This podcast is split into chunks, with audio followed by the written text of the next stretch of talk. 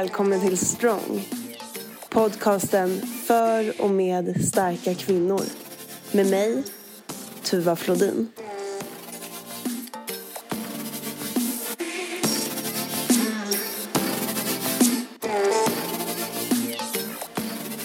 Idag så gästas jag av Nadine Ekelund. Välkommen till podden. Tack. Eh, Du är ju en person som jag eh, lärde känna av en slump kan man ju säga. Du, Mm. du sprayade mig inför min eh, debuttävling tror jag det var. När jag skulle tävla Jajamän. i eh, body fitness. Mm. Det gjorde jag. Var det till och med så att du sprayade när min poseringscoach tappade ut limmet på mig till och med? Ja. Och jag kom där springandes i all hast och var svinnervös och hade lim över liksom, ja, på alla Mm. ställen du inte ska ha lim på. Ja, jag har lite smått panik också men eh, det är därför vi är där. Vi löser allt. Ja, ja men precis. Men, men ehm, hur är det då? Är det liksom, du åker runt och eh, sprayar folk? Mm. Eh, jobbar ju för eh, Jantarna, Mm. eh, Långside Tann då, eh, tillsammans med Jan och Jenny. Eh, Jenny är ju min, eh, en av mina närmsta vänner. Eh, så hon rekommenderade mig till Jan och jag fick testa på och spraytanna och då sa de direkt du ska med. Sen dess har jag valt att åka med och så blir det att vi åker till olika fitnesstävlingar och hjälper de bästa atleterna och sen göra sig liksom redo för den sista touchen. Ja, det är väldigt Eh. speciellt. Men jag tänker att du Mm. har ju ändå en, en annan fot in i den världen också. Jag antar att det började som, att du började som atlet. Mm. Det var ju där. ehm, det var ungefär för tre år sedan. Så eh, fick jag intresse för gymmet. Eh, men jag insåg ju väldigt snabbt att men herregud, det här älskar jag mer än vad jag trodde jag skulle göra. För att jag var ju mer bara att jag skulle komma in för min rehabs skull. För att jag pajade ju mitt vänstra knä. Eh, men sen så kom ju gymchefen där och sa liksom du varför funderar du inte på att tävla? Nej, det är ingenting för mig tänkte jag liksom. Han bara, men vi kan vi inte bara kolla formen ändå? Jo, kan du väl göra. Och så sa han rakt ut, men du, du borde ju tävla. Och sagt och gjort så eh, åtta månader senare så körde jag i Alströmer för första gången. Just det, som är en nybörjartävling va? Som en nybörjartävling ja. Mm. Och där gick det ju bra. Eh, kom jag på, ska vi säga så det blev rätt andra plats. Eh, så då gick jag vidare till Alströmer Classic. Och där kom jag på tredje plats. Så det var ju där det började. Just det, och vilken eh, disciplin körde du då? I body fitness. Mm. Mm. Eh, och sen så, ja, så växte ju mer därifrån. Men det var ju så jag började träffa eh, då Jan. Mm. Mer på grund av eh, sporten.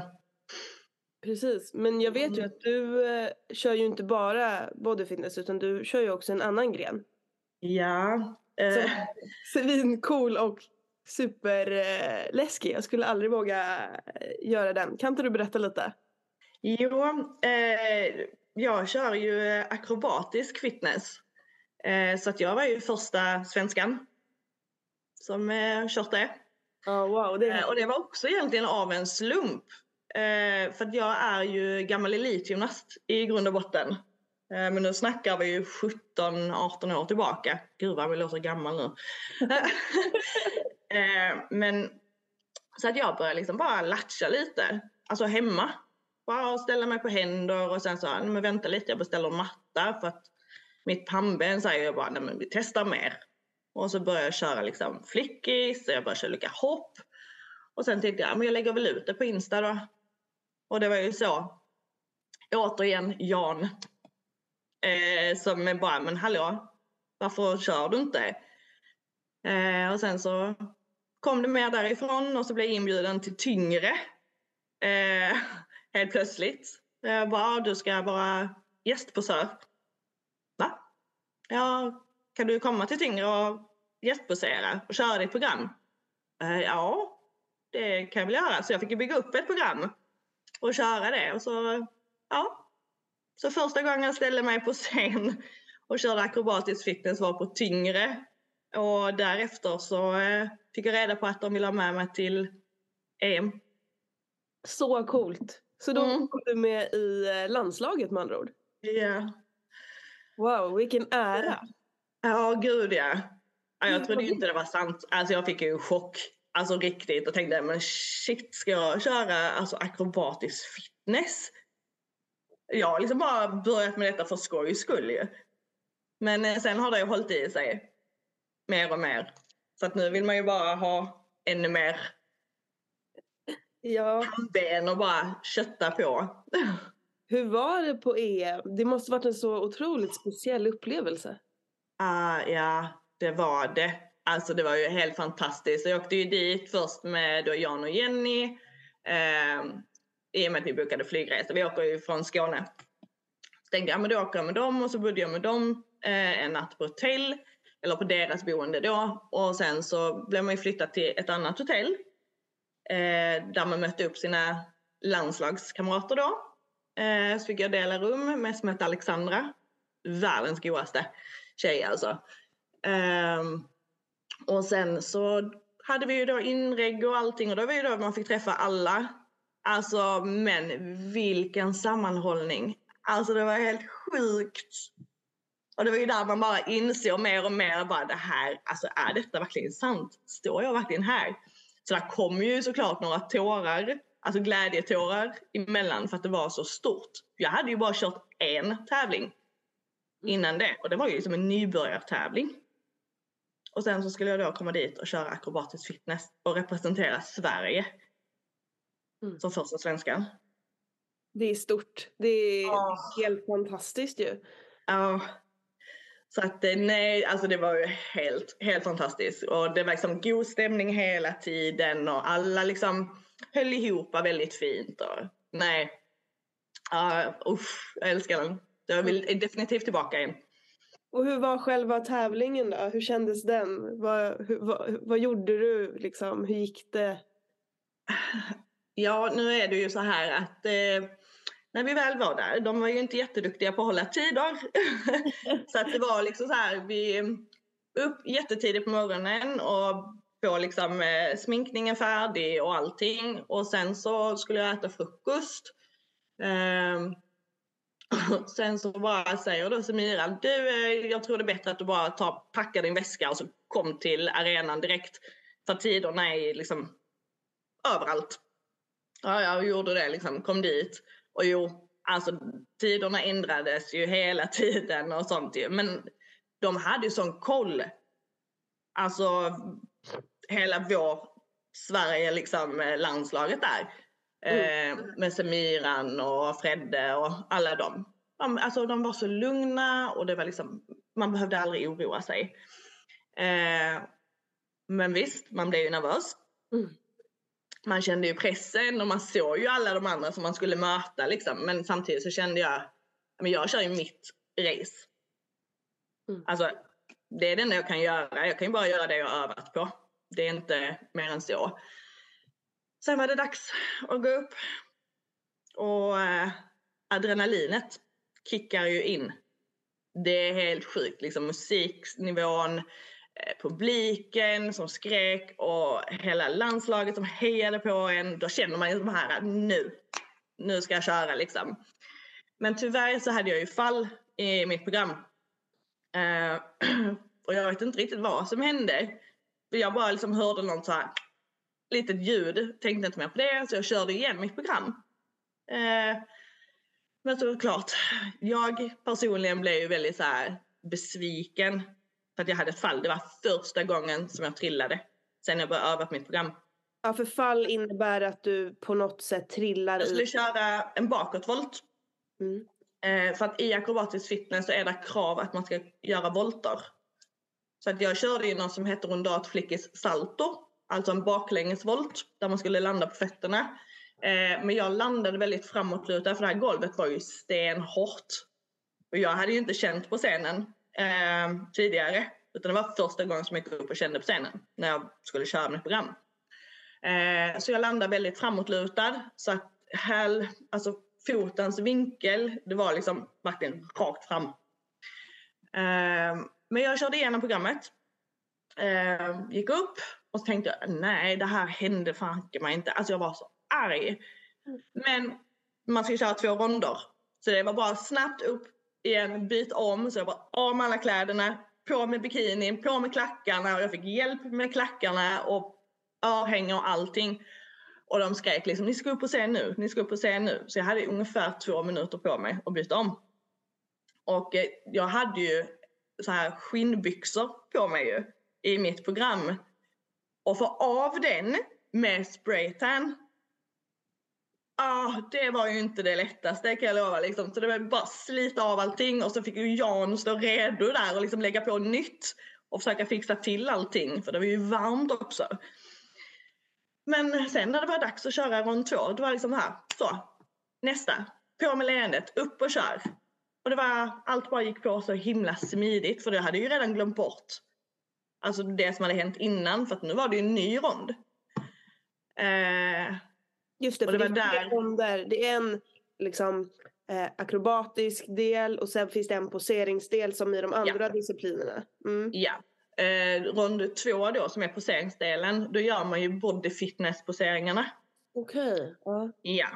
Så att du kör ju front pose, side pose, back pose och sen side pose och sen front pose igen. Mm. Eh, men just när jag stod och körde där den sista ronden, det var då det verkligen gick upp i mitt ansikte och bara Oh my god, nu, jag står här nu, nu kör jag alltså. Jag kunde ju inte få bort mitt leende överhuvudtaget. Jag verkligen stod där och njöt till fullo. Men sen var det ju det roliga att när vi steg av scenen sen så möter jag Karina Isaksson och jag tänkte shit, hon är förbannad. För hon kollade ju på mig precis som att hon var förbannad. Och jag började ju gråta och bara säga förlåt, förlåt. Fattar ju ingenting. För jag trodde hon var arg på mig för att jag hade missat. Och hon bara, nej jag skiter i att du missade i ditt program. Och så sa hon, hon bara, jag är så förbannad att du inte dubblerar i bodyfitness också. Ja, okej, okay, wow. Alltså hon sa yeah. Hon sa det rakt upp till mig liksom. Och då mm. började jag grina ännu mer och tänkte vad är detta liksom? Eh, och då kände jag liksom att nej men då, jag har gjort mitt jobb. Jag, där fick jag liksom min, alltså min lilla stöttning. Alltså jag behövde det där lyftet lite extra för att jag hade ju slitit som ett djur i tre veckor innan EM. Eh, jag fick lite sådär, ja men kan du gå ner fyra kilo ifrån något tyngre till EM? Och det var ju tre veckor emellan. Jag bara, ja, inga problem. Det kan jag göra. Eh, men jag gick ju ner eh, nästan 10 kilo. Oj, ja det är så mm. mycket. Mm. Så jag slet ju som ett djur för att liksom få den bästa formen jag kunde få. Ja, verkligen. Att när hon sa det till mig då kände jag liksom så här, bam, Mm. Det värmde så gott om hjärtat. Verkligen. Och jag är så tacksam för Karina som eh, fick, alltså gav mig denna chansen att åka med på. Så jag hoppas att det blir fler gånger.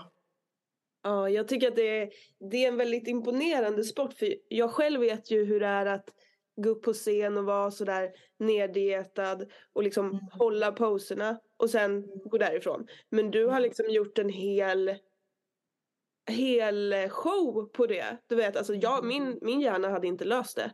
För jag Nej. kunde knappt komma ihåg eh, kvartsvändningarna i det tillståndet. Och att du då har gjort en hel eh, rutin med massa volter och liksom eh, till musik och äh, för mig det är helt mm. det är imponerande. Jag liksom hatten av så otroligt bra jobbat. Jag mm, tack. är imponerad. Tack. Det känns väldigt väldigt, väldigt bra och eh, alltså den upplevelsen den kommer jag ju aldrig släppa. Och det bästa var ju, eller bästa och bästa, det som var så sjukt för när jag gick av scenen efter min akrobatik så säger eh, min nuvarande coach då, Fredrik, han bara, du vad hände med foten? Hur gick det med foten? Och så kommer Semiran samma sak. Jag bara, vadå foten? Jag fattar ingenting. Eh, och sen efter tävlingen då, efter att allting var färdigt, så kom vi tillbaka till hotellet det tog inte lång tid och sen började min fot svullna upp mm. och allting. Och det visade sig att jag fick en fraktur i min fot. Så jag hade ju liksom kört färdigt mitt program med allting och sen så hade jag gått upp på scen plus en bruten tå. Alltså. Jag hade ju inte märkt någonting. Jag bara, nej vadå? Det är ingenting. så att eh, nej. Det märks att de har ju verkligen full koll på allt. När man mm. själv inte har någon koll. Nej, verkligen. Men det känns också lite som att det här eh, genomsyrar hela dig. Du är så otrolig kämpe och jag bara är så imponerad och eh, eh, förstår inte ibland hur du orkar med allting som som ändå går lite emot dig. Du har ju, liksom, mm. du har ju utmaningar som du verkligen tar dig an och som du jobbar med varje dag. Mm. Kan inte du berätta lite om den delen? Um, jo, jag kan ju börja lite med uh, egentligen från första början att jag pajade ju mitt vänstra knä uh, för, vad är det nu, fem år sedan. Att det gick ur led. Jag smällde av hudnerv i mitt vänstra lår. Så att jag har ingen känsel i, i det låret överhuvudtaget. Inte, och det knät har ju gått Nej, utan när det är liksom ungefär, vad kan det vara, 10 centimeter liksom långt upp då, där jag liksom inte känner av någonting.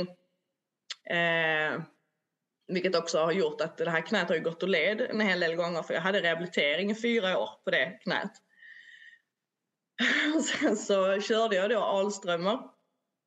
Eh, sen tog det ju ja, knappt en vecka efter Alströmer så gick det andra knät och led. Och det var så himla typiskt. Jag liksom var ute och gick och skulle vara upp en trappa. Eh, sista trappsteget också. Och så gick det helt och led. Och jag tänkte, nej, det här händer verkligen inte. Och då var jag tillbaka till rehaben igen. Och så körde jag där och sen gick det och led typ två gånger till på det. Men det var liksom, ja, på motoros. Gick till gymmet. För jag har fortfarande en överkropp som funkar. Jag tänker inte sitta hemma på grund av det. Um, så jag gjorde ju det och sen så körde jag då eh, allting fram till tävling. Eh, körde EM då. Sen eh, på vägen hem från EM så började jag må jättekonstigt. Jag fattade ju inte vad det handlade om överhuvudtaget. Ehm, och sen så tog det ju inte jättelång tid. Sen fick jag ju problem. Att jag började liksom känna mig stressad med allting. Jag började liksom få smått ångest och jag fattar fortfarande inte varför jag fick ångest. Jag började liksom må jätteilla. Jag kunde ligga och kräkas hela tiden. Um, och det här fortsatte ju en och en halv månad. Oj. Jag kunde liksom inte få i mig någonting utan det bara så fort jag liksom stoppade i mig någonting så kom det upp igen. Och det ledde ju i sin tur till att jag började strejka istället. Då ville jag inte äta någonting. För varför skulle jag ens försöka äta? Och då gick det ju verkligen ut för. Så att eh, jag blev ju så pass sjuk så att jag blev inlagd eh, och fick dropp. För att du hade eh, mycket näringsbrist? Ja. jag rasade ju rätt så fort i vikt också.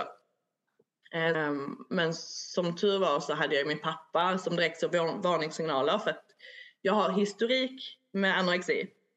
Eh, från ja, något år efter min son föddes. Så kämpade jag med det, men då var jag ännu längre ner. Då vägde jag bara 46 kilo. Så då var jag verkligen jätte, jättesjuk. Eh, men han såg varningssignalerna så det var liksom raka vägen in.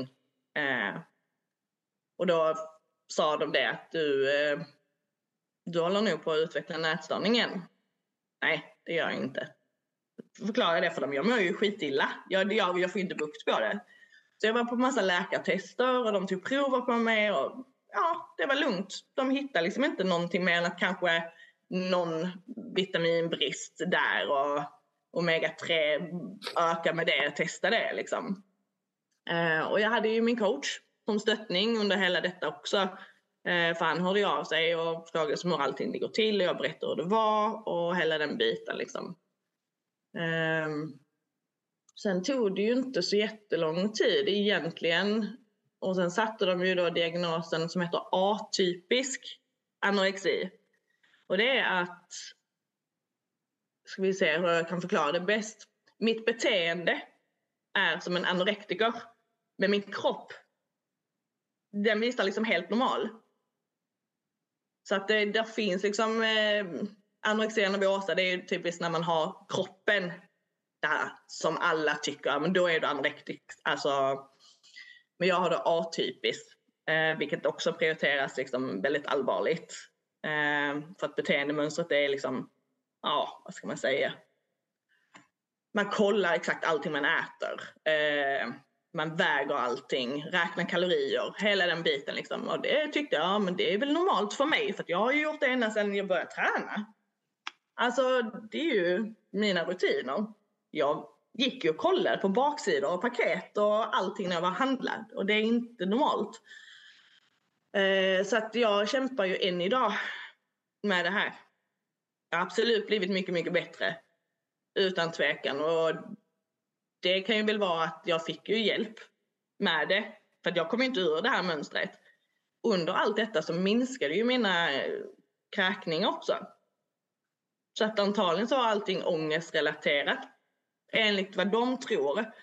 Att jag började liksom bli uppjagad och stressad och sen så var det att man hade ätit en viss kost och sen så hade jag ju ingen. Jag hade ju ingen som hjälpte mig efter tävlingen. Så den coachen som jag hade, det bara bröts. Så jag bara, jaha. Så där stod jag och då. Man blir ju vilsen efter en tävling. Mm. Att man har ju gått strikt kost. Och sen så står man ju bara jaha nu då. Eh, så att de vet ju ändå inte riktigt än idag vad som orsakade det. Men när man själv kan tänka efter så ja, det kan nog stämma till en viss del. Jag vet liksom inte. Men det har absolut hjälpt idag eh, i och med att jag fick hjälp och sen då min stöttning ifrån min coach. Mm. Eh, usch, alltså han har ju varit helt fantastisk i detta. Alltså riktigt, jag har kunnat ventilera mig om allt. Jag har känt ibland liksom att oh, nu kommer han hata mig. Han kommer tycka jag är skitjobbig. Men nej, han har verkligen funnits där. Och sen likadant med min pappa då. Han har också funnits där helt. Men när man hamnar i sånt här uh, mörker, eller man ska säga, så är det ju lätt att man stöter bort folk. Men de, äh, de har stått kvar ändå. Och hela den biten liksom Och bara sagt, ge inte upp, ge inte upp. Och jag har hela tiden haft, jag kommer, jag kommer inte ge upp. Jag vill ju liksom inte ha detta. Jag vill ju bara tillbaka till träning och sånt. Så att man har börjat sakta och hela den biten. Och jag är tillbaka och kör för fullt liksom. Mm. Och sen mitt i allt detta så eh, började jag märka att jag började tappa hår. Och jag fattar ju ingenting och tänkte ja men det kanske är vitaminbrist då. Men det började jag ju få bukt på. Och jag började liksom ta min omega-3 och det här mitt val kvinna. Eh, som jag också behöver. Jag vet inte om det har med åldern att göra, jag vet nej. Vad ska jag? um, nej men jag började liksom med det, men det är bara fortsatt att åka av. Märkte du det liksom? Alltså åka av, menar du då att så här var det? Jag stod i duschen. Eh, och du vet om man schamponerar håret och sen så bara ja, men drar man liksom försiktigt igenom med fingrarna när vattnet då rinner av. Och jag tänkte, men fasiken är detta? Jag fattar ingenting. Och sen så var det balsam och det bara gled av. Hår. Och jag tittar liksom ner och bara, vad, vad, vad händer här nu? Jag fattar ingenting. Alltså jag börjar få panik. Och jag bara, på med handduken efteråt i håret. Och sen så skulle jag borsta. Och hela borsten var full av hår. Och då, då liksom började jag få ännu mer panik mitt i allt detta. Och då blev det ju en farlig kombination. Med, för då började ju stressen igen. Vilket kunde då öka eh, den här eh, med kräkningarna. Att jag kände att jag började bli illamående. Och allt liksom bara, nu, nej, nu är det för mycket liksom. Och sen så, eh, ja det här fortsatte i fyra veckor. Jag kunde liksom vakna och det låg liksom fullt med hår i min säng. Och jag ropade flera gånger liksom till mina föräldrar och sa att någonting är fel, någonting är fel. Så jag liksom sagt och gjort, jag bokade tid hos min läkare och hon bara nej vitaminbrist, det måste vara vitaminbrist. Eh, sen tog det ju ytterligare en vecka och då hade jag tappat mer än hälften av mitt hår. Och jag ringde ju till henne igen och bara, nej, någonting är fel. Hon bara, du får komma in. Och hon skickade ju snabbt remiss till hudmottagningen. Och det tog en månad, sen fick jag tid där. Så det är ju rätt nyligen som jag fick det här beskedet. Eh, och hon behövde ju bara kolla på mig. Och hon bara, du har ju eh, alopecia. Jag bara, nej. Hon bara, jo. Du har alopecia. Eh, just nu steg ett, för det finns ju tre steg. Eh, så det jag har heter ju alopecia areata. Så man tappar ju alltså hår. Oftast brukar det vara fläckvis som typ den här gamla femkronan man hade förut. Liksom. Att det brukar vara sådana. Men jag tappar ju verkligen alltså, mer än hälften av mitt hår. Jag hade ju jättelångt svart hår. Uh, men eh, ja, jag satt ju där. Jag minns när hon sa det. Jag satt och tittade på henne och bara, vad händer nu? Vad, vad innebär detta liksom? Uh, och hon bara så här, nej det, du, du har ju tappat så himla mycket av ditt hår. Uh, men vi ska testa och sätta det på en behandling. Och jag bara, ja men den här behandlingen kommer det göra att jag får tillbaka mitt hår? Hon bara, det vet man inte. Där finns chans att man kan få tillbaka det, man kan dröja år. Eh, och då kan det komma tillbaka. Men det kan ju även göra att jag kan tappa det sen igen. Eh, och jag bara, ha. Och då sa hon liksom att det är en autoimmun sjukdom. eh, som attackerar mina egna hårsäckar. Så att eh, de går in i ett slags viloläge eller i princip dör. Så allting åker av. Eh, man vet ju inte så jättemycket om detta överhuvudtaget. Men de tror ju att det är framkallat av stress. Att man har det i sig redan, men just att stress kan trigga det. Så att det verkligen utvecklar sig. Så att eh, ja. Så det, ja. Jag fick ju en chock. Men samtidigt så tror jag att jag var nog rätt förberedd på det eftersom jag visste att någonting var ju fel. För man tappar inte så här mycket hår så fort på så kort tid. Eh, och jag märkte ju väldigt fort att håret på mina armar försvann mer och mer. Eh, ögonbryn började lossna, så jag har ju inte så mycket ögonbryn kvar. Jag är tacksam idag att jag har eh, några ögonfransar. så att det, det är jag glad för, för det finns ju vissa som tyvärr inte har någonting alls. Det är ju de andra två stadierna då.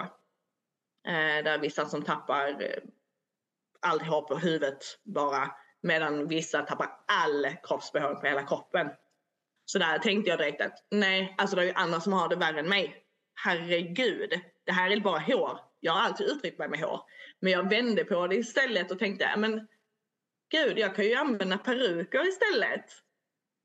Om jag vill ha det så kan jag byta frisyr och byta hårfärg precis när jag vill. Så att, ja, jag tog trimmern där hemma, rakade av det sista jag hade kvar och sen så bara så, nu är det ute. Det är fortfarande jag. Jag ändras ju inte på grund av detta.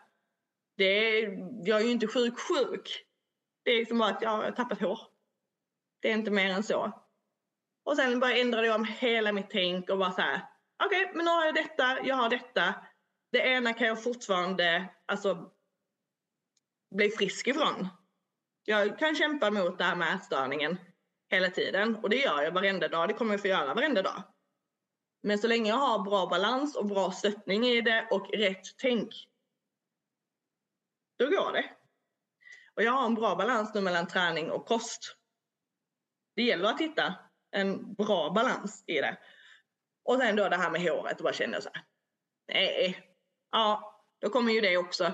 Det kan jag ta mig förbi också. Så det var inte mer med det. Så starkt Nadine. Jag är jag är så imponerad och eh, eh, vet inte riktigt vad jag ska säga för att det, det är så himla starkt av dig att berätta det här. Mm, tack. Eh, jag, ska... jag, känner att det är rätt viktigt att prata om också. Alltså jag har ju varit, just när det kommer till ätstörningen så har jag varit väldigt öppen med det. Och jag har ju som sagt att jag har ju blivit frisk från alltså, riktig anorexia, alltså allvarlig anorexia en gång i tiden. Klarar jag det då? Vad är det som sagt att jag inte ska klara av detta nu? Men jag fick ju bara liksom en riktig krasch eh, efter där. Eh, och det är antagligen för att jag pressade min kropp till det yttersta. Så att sen så var det precis som att den bara sa stopp. Nu räcker det, du klarar inte mer nu. Nu måste du ta en paus. Så jag tror liksom att det blir lite som wake-up call också. Att lyssna verkligen på din kropp när den säger ifrån. Men sen är det ju, jag, jag är ju en tävlingsmänniska. Alltså deluxe. Och det vet jag, det kan både vara en fördel och en nackdel. Och det är just när det kommer till sådana här äh, setbacks då. Att istället för bara så här, nu är det så här. Så tänker jag, skitsamma, kör. Nej, bearbeta det. För det är skitviktigt att göra det. För många tänker så här, men jag kan göra det sen. Jag, har, jag är fortfarande lite så emellanåt, nej men jag hanterar det sen. Men därför är jag glad nu att jag har det här stödet som säger stopp, stopp, stopp. Okej, okay, då gör jag det. Och så tänker jag till och sen så är det lugnt igen. Men det viktigaste är liksom att man hela tiden försöker ha det här positiva tänket. För jag har liksom ett sätt eh, som jag brukar säga att hitta alltid det positiva i det negativa. För det finns alltid. Allting är inte bara negativt. Så, eh, nej, därför tycker jag det är jätteviktigt att prata om sådana här saker. Och sen just att man vet om att man är ju aldrig ensam om det. Jag tror bara väldigt många är väldigt rädda för att öppna upp om det och prata om det. Och det är därför jag känner att ja, men då gör jag det. Jag pratar gärna om det. Kan det hjälpa någon annan sen?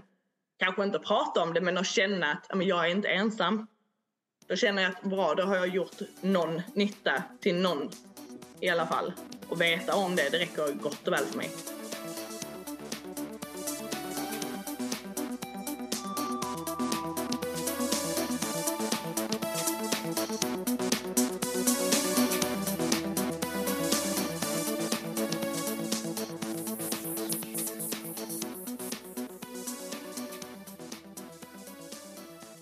Ja, men jag bara tänker så här.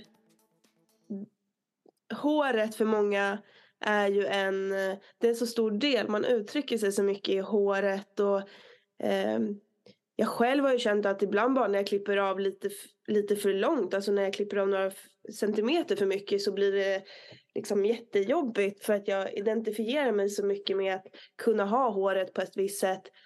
Och du har bara rakat av det. Alltså kan du, mm du förklara? Eller jag vet inte, kan, kan vi prata om det här? Snälla. jo, absolut. Um, som sagt, jag är ju en person som verkligen har uttryckt mig med mitt hår. Alltså jag, jag ändrar ju hårfärg stup i kvarten. Jag hade ju flätor väldigt ofta, eh, sådana här box braids och jag hade hair extensions och allting. Så att ja, jag fattar ju det där med att nej, man klippte för mycket eller man fick fel färg och hela den biten. Men just när jag fick det här beskedet så kände jag bara så här, nej, alltså som jag sa, det är inte hela världen. För att där finns så många häftiga peruker man kan använda. Men just när jag tog det här beslutet bara, nej, jag tar trimmer nu. nu, nu rakar jag av det. För att det var jättejobbigt att se liksom hur mitt egna hår, det lilla som var kvar, att man försökte ju liksom hela tiden, det kommer komma tillbaka, det kommer komma tillbaka. Men jag var så arg och så ledsen varenda gång jag såg det. För att jag bara kände, jag kan inte göra någonting med det. Så jag, nej, trimmern och började liksom ställa in det här att nu ska allting av. Och jag tittar liksom på trimmern flera gånger och bara nu, nu, nu, nu kör vi. Eller vänta lite. Jo, nej, jo, äh, nu kör vi bara. Så. Och så gjorde jag det själv och bara stod hemma och bara okej, okay, musik i öronen. Men sen så fort liksom började, så började jag känna, jag kände sån lättnad. Att bara, åh, bra, jag behöver inte se detta längre och nu är det liksom, det här är jag. Det här är mitt nya jag. Det är fortfarande jag, men en helt annan. Och sen så bara stod jag och liksom fick tårar i ögonen och som vanligt så ringde jag till min pappa, för min pappa är liksom min bästa vän. Jag ringde till honom och han kollar på mig och liksom ler och säger men gud du passar ju vi har det rakat. Mm. Och då började jag ju såklart grina ännu mer och tänkte men nej, jo, nej, och så ser jag mina kala fläckar och det är då jag insåg liksom att nej, men det här var det bästa jag kunde ha gjort. Alltså det var bara raka av det. Och sen jag gjorde det och gick ut med att ja, jag har alopecia. Ja, alltså det släppte sån tyngd. Det är så sjukt och liksom egentligen bara säga. Men jag behövde det. Jag behövde ta trimmen och raka av det. Jag behövde liksom så här, ja det här är jag. För jag gick och tränade med peruk i två månader.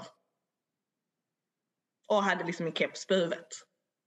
Och gick hela tiden och fattade inte vad det var som hade hänt och någonting. Men det första jag gjorde var att ah, nu sticker jag och tränar utan peruk.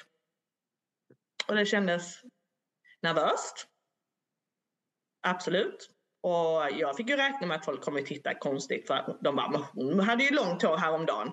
Hon, vad har hon gjort med håret? Alltså vet jag. Men jag tror att många fattar också för jag har ju kala fläckar. Eh, men alla var ju jättegulliga. Jag fick bara trevligt bemötande och väldigt fint stöd. Ifrån alla. Så jag tror man tänker nu väldigt mycket själv. Vad kommer alla andra tycka och tänka? Men sen bara kände jag så här. Nej, skit i det. Det här är jag. Folk får acceptera mig för den jag är. Och kan jag liksom få andra återigen och liksom känna att men kan hon kan jag. Så jag gjorde det. Så, så stort ändå. Jag tycker att det var väldigt, väldigt starkt av dig. Och jag håller helt med din pappa. Tycker du passar otroligt bra i. väldigt snyggt. Tack. Men eh, om man nu får veta att man har den här eh, sjukdomen då. Finns mm. det liksom någon grupp man kan vända sig till eller finns det något forum? Jag menar för jag tror att det är väldigt viktigt att man inte känner sig ensam i det här. För jag kan tänka mig att det blir en väldigt utsatt eh, situation. Mm. Alltså där finns ju väldigt många föreningar eh, som man kan vända sig till och där finns absolut grupper man kan liksom ventilera sig med. Eh, jag personligen har inte känt att jag behövt att vända mig till det eh, utan jag hade en tjej på Insta som jag skrev lite med och hon hade jättefina peruker och sånt så att jag köpte ju någon ifrån henne och sen så när jag liksom kom ut med min alopecia så visade hon ju också enormt stöd ifrån det. Så att hon, jag hade ju henne lite grann och liksom känna Alltså lite så här, men hon går igenom samma sak eller hon har gått igenom samma sak. Ja för hon har också eh, den här sjukdomen. Ja men hon har ju totalis. Så att hon har ju hela. Alltså verkligen allt men hon är ju super super, alltså verkligen supersöt. Eh, så att jag bara känner så här, nej men gud. Hon är också en stark person, stark personlighet. Och det gör ju hur mycket som helst. Men jag kan väl tänka mig att väldigt många har inte det här stödet. Och de känner sig väldigt ensamma. De kanske har gått igenom någonting ännu värre som de måste ha. Men det är ju det att alla reagerar ju väldigt olika på olika saker. Någonting som kan vara väldigt minimalt för mig kanske är jättetungt och jättestort för någon annan. Och därför gäller det ändå att veta om att äh, man ska liksom inte bara liksom se bort ifrån det. För alla är ju som sagt olika. Så att, eh, men absolut, det finns många föreningar och många grupper. Och eh, när man var där på hudmottagningen så sa de ju det också. Känner att du behöver prata med någon? Så de erbjöd ju sig också. Men jag kände rakt ut att nej, jag har så bra stöd här hemma om det skulle vara. Men sen tror jag att det är liksom mitt egna mentala som bara Ja, nu hade jag detta också. det är det bara liksom, ja, embrace it. Ja. Det är klart att det var, det var en tung period fram till beskedet. Det var det. Mm. Men det förstår jag verkligen. Det känns som eh, att du har gått igenom ganska mycket på kort tid och då mm. är det ju otroligt fint att, att du vill hjälpa andra samtidigt. Jag vet ju själv bara att jag har skrivit jättemycket med dig under tiden som jag tyckte att jag hade det eh, tufft. Mm. Mm. Och nu eh, när man då stegar tillbaka några steg så inser jag att jag hade inte det supertufft. Men det var ju tufft för dig. Jo, men du det får ju det. För mig och mm. nu liksom, äh, vet jag att du har haft det enligt mig då väldigt mycket värre. Men det känns fint ändå att man kan dela olika utmaningar med varandra. Och eh, mm. jag uppskattar det hos dig. Att du är en person som verkligen bryr dig om och finns för människor. Så jag mm. hoppas att eh, eh, lyssnarna, om det är någon som lyssnar och upplever samma utmaningar som du har, att de kan finna stöd i det här samtalet och eh, någonstans känna att de är inte ensamma. Nej. Alltså det är just med både med ätstörningen och då med alopecian. Alltså det är otroligt, otroligt, otroligt vanligt.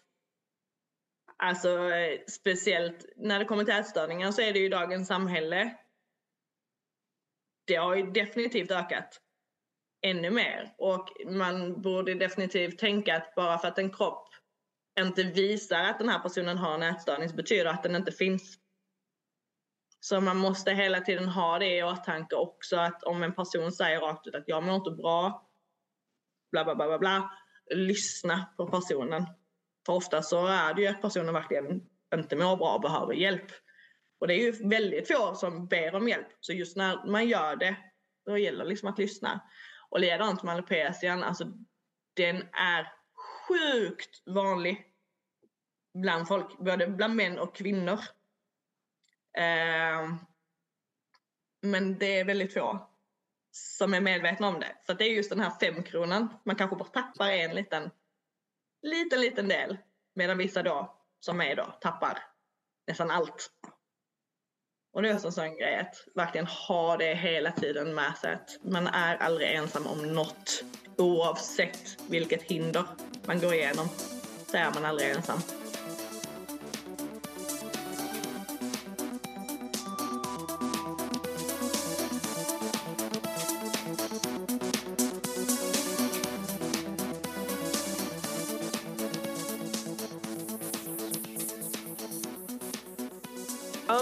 Tänker så här, jag ska fråga dig mina tre frågor som jag eh, frågar alla mina gäster. Mm. Är du beredd? Ja. Ja. Okej. Finns det någon kvinna som inspirerar dig och i så fall varför? Den har jag faktiskt funderat på så många gånger. Eh, men nej. Alltså jag har ingen.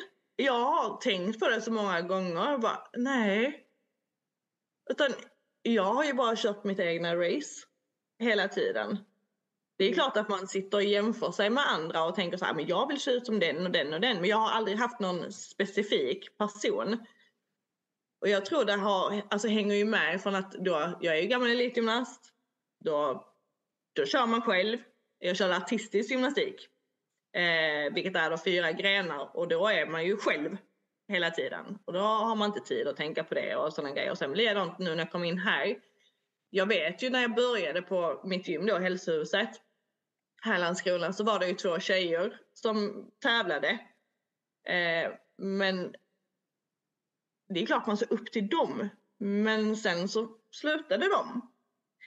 Och då blev jag så här, aha, nej, okej. Okay. Men absolut, de fick ju mig att öppna upp ögonen kanske lite mer för det. Eh, för hon den ena, hon var ju så här sprudlande glad, sjukt härlig energi, det har hon än idag. Eh, och hon den andra, hon hade ju det här pannbenet. Hon hade också barnmålet i sikte och jag bara så här, det här är en kombination av mig. eh, men sen så, nej. Nej, jag har inte det. Utan jag har ju bara kört mitt egna race hela tiden. Mm. Du kanske är din egen största inspiration? Ja, om man vill vända på det så, så är jag nog det. Att jag vill ju hela tiden bara prestera bättre och bättre och bättre. Mm. Så att, ja. Gud vad det lät själviskt men... det är inte det minsta själviskt. Det är superrätt att ha sig själv som sin största inspiration. Det mm. är eh, jätteviktigt tycker jag. Jag tycker, att, jag tycker att det blir ditt svar. Thank you! Okej, så okej, okay, okej, okay, okej. Okay. Om du visste att du skulle lyckas med något, vad hade du gjort då? Nu har jag ju faktiskt lyckats. Kan jag tycka att jag fick åka med på EM. Alltså jag, jag hade ju inte ens den planen. Jag var så här, jag hade SM i sikte. Det skulle vara min stora plan. Mm. Men att få åka med där, det... Nej, då känner jag redan att jag har ju lyckats där. Mm, absolut. I någonting som jag verkligen älskar. Speciellt kombinationen mellan body fitness och då akrobatik slash gymnastik. Mm. Så det är någonting jag inte har kunnat släppa på. Jag är ju rastlös av mig. Så ja. Så vad blir nästa steg då? Blir det VM? Alltså jag har ju, nu kommer vi till det här farliga igen. Jag vill Mm. mer än gärna eh, köra akrobatisk fitness igen. Eh, och även body fitness. Men jag har ju en bra bit kvar känner jag fortfarande. Jag är ju fortfarande under rehab för jag blev opererad i mitt knä. För ja, cirka två och en halv månad sedan. Men jag är ju redan på bättringsvägen. Jag körde akrobat, akrobatik eh, nu förra veckan. Nej, det var nu denna veckan för första gången. Och som vanligt så kunde jag inte ta det lugnt och det började med volter direkt. Jag fick ett litet argt pekfinger från min eh, sjukgymnast. Han blir inte glad med det men han vet också hur jag funkar för jag har gått hos honom sedan jag var nio år. Ehm, så att absolut. Jag vill gärna tillbaka till EM igen. Men eh, frågan är ju vad min coach säger. För han, eh, han, han håller hårt i tyglarna. Det gör han. Så att, eh, men vi, vi får se helt enkelt. Men absolut, tävlingar är ju inte uteslutet. Det är det inte. Jag kommer fortfarande ha väldigt höga krav på mig själv och mina mål. Jag tycker det är viktigt med att ha mål. För att kunna hålla motivationen uppe. Ehm, och det är just den jag är. jag älskar ju på scen. Det är Då, det bästa jag vet. då ser jag fram Mm. emot det när vi får se dig på scen igen. Tack. Och, Jag hoppas att det blir VM också snart då. ja, jag håller tummarna. VM, VM, VM. Ja, jag blev ju kvalad till VM. Eh, just för akrobatisk fitness. Men nu blev ju det här att det kom i vägen och att mitt knä pajade ju blev opererad istället. Så att jag vill med. Ja, nästa gång. Håller Ja. tummarna. Okej, men eh, då avslutar vi med att fråga om du kunde gå tillbaka och ge dig själv några goda råd eller tips på vägen. Vad hade du sagt till dig själv då? Lyssna på din kropp. När den signalerar att någonting inte stämmer, lyssna. Och ha inte för bråttom med saker och ting. Och bara njut istället. Ha kul på vägen. För det är så lätt att man hamnar alltså i det här maniska som jag då hade där att man bara, nej jag ska bara dit. Men man glömmer att ha kul på vägen. Så det, det är någonting som man verkligen, jag tycker man ska ta in. Det första då, lyssna på din kropp. Mm. För gör du inte det så eh, antingen så kanske du kraschar eller då drar på dig en massa skador, onödiga skador Mm. faktiskt. Mm. Ja, men jättebra. Jag tycker vi, eh, vi tar med oss det. Lyssna på din kropp och så får jag tacka så otroligt mycket för att du delade så mycket av dig själv och eh, jag hoppas verkligen att det kan eh, stärka någon där ute som behövde höra det här avsnittet. Tack så jättemycket för att du vill ha med mig. Jag Självklart, hoppas också jag kan hjälpa någon i alla fall. det är jag helt övertygad om. Tack snälla, tack. Tack.